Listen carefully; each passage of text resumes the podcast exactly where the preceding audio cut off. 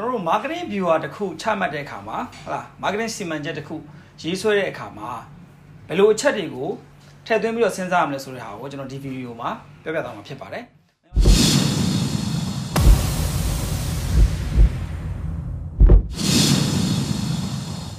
မင်္ဂလာပါကျွန်တော်မင်းသက်ထုတ်ပါကျွန်တော်ကတော့ဗဒါဘာရှင်းက chief trainer နဲ့ consultant ဖြစ်ပါတယ်ကျွန်တော်ရဲ့ဒီစာသင်တဲ့အတွေ့အကြုံကျွန်တော် consultant လုပ်ခဲ့တဲ့ဟလာ အဲကုမ္ပဏီတွေပေါ်မှာမူတည်ပြီးတော့ဒီလုပ်ငန်းတွေရဲ့သဘောတဘာပေါ်မူတည်ပြီးတော့ရခဲ့တဲ့အတွေ့အကြုံတွေကျွန်တော်လေ့လာသင်ယူခဲ့တဲ့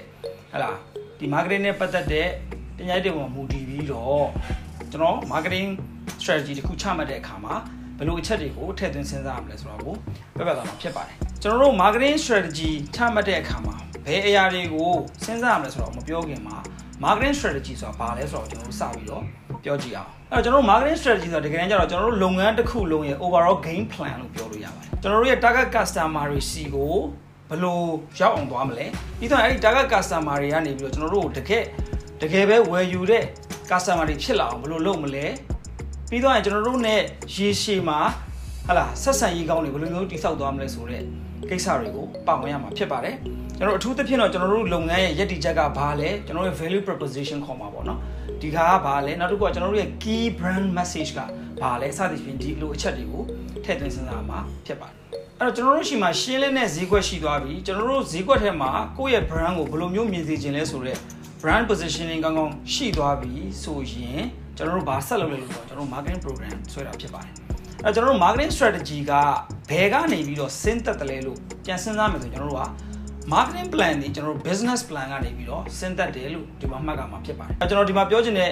အကြောင်းရင်းကဒီ strategy တွေစဉ်းစားတဲ့အခါမှာဘယ်လိုအချက်တွေကိုထည့်သွင်းပြီးတော့စဉ်းစားမလဲဆိုတဲ့ကိစ္စကိုပြောတော့မှာဖြစ်ပါတယ်အဲကျွန်တော်တို့ marketing strategy အမျိုးအစားတွေအများကြီးရှိပါတယ်ကျွန်တော်တို့ဟလာဥပမာ niche penetration လို့เนาะတော်တော်များများကြားဖို့ပါလိမ့်မယ်ဟလာ mass penetration တို့ niche marketing တို့ scheming တို့နောက် ဒီ early withdrawal တို့စသည်ဖြင့်ပေါ့နော်ဒီလိုမျိုးဟလာ marketing strategy တွေရှိပါတယ်တချို့လဲလာ funnel strategy တို့ gate strategy တို့ဒါတွေလည်းအများကြီးရှိပါတယ်အဲ့ဒီမှာကျွန်တော်တို့ဘာသိရမလဲလို့ပြောရင်ကျွန်တော်ဒီလိုမျိုးကျွန်တော်တို့ကကိုယ်ဒီဈေးကွက်ထဲမှာဘယ်လိုဗျူဟာနဲ့ဝင်မလဲဆိုတဲ့အချက်ကိုစဉ်းစားတဲ့အခါမှာကျွန်တော်တို့ shoot down စဉ်းစားမယ့်အချက်၅ခုရှိပါတယ်။ဘာလဲ၅ခုကဘာလဲဆိုတော့ number 1ကတော့ကျွန်တော်တို့လုပ်ငန်းရဲ့ primary objective ကဘာလဲကိုကိုလုပ်ငန်းကဘာဖြစ်ဘာဖြစ်စေခြင်းလဲဘာရခြင်းလဲဆိုတဲ့ အဲ့ကိုယ့်ရဲ့ရည်မှန်းချက်ဖြစ်ပါတယ်။ဒုတိယတစ်ချက်ကတော့ကျွန်တော်တို့ market characteristic ဈေးကွက်ရဲ့သဘောတဘာဝသည်ဘယ်လိုမျိုးရှိတယ်လဲဆိုတဲ့အကြောင်းရင်းအချက်ကိုကျွန်တော်တို့က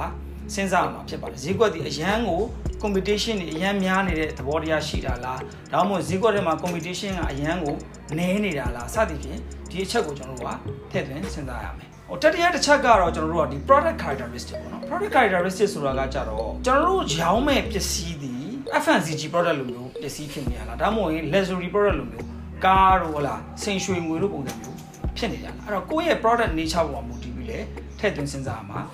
ဖြစ်ပါတယ်ကျွန်တော်နောက်တစ်ချက်ကတော့ competition competitor ရဲ့ characteristic ကျွန်တော်တို့ ਨੇ တဲ့ပြိုင်နေတယ်ပေါ့နော်ကျွန်တော်တို့ competition လို့ပြောလိုက်တဲ့အခါကျရင်ကျွန်တော်တို့ competitor ကိုစဉ်းစားတဲ့ criteria တွေရှိပါတယ်ကျွန်တော်တို့ direct customer direct competitor လားအဲဒါမှမဟုတ်ကျွန်တော်တို့ ਨੇ indirect competitor လားစသည်ဖြင့်ဒီလိုမျိုးတွေစဉ်းစားအဲ့တော့ ကျွန်တော်တို့ဈေးကွက်ထဲမှာဆိုရင်ကိုယ်နဲ့ရှင်ပြိုင်နေတဲ့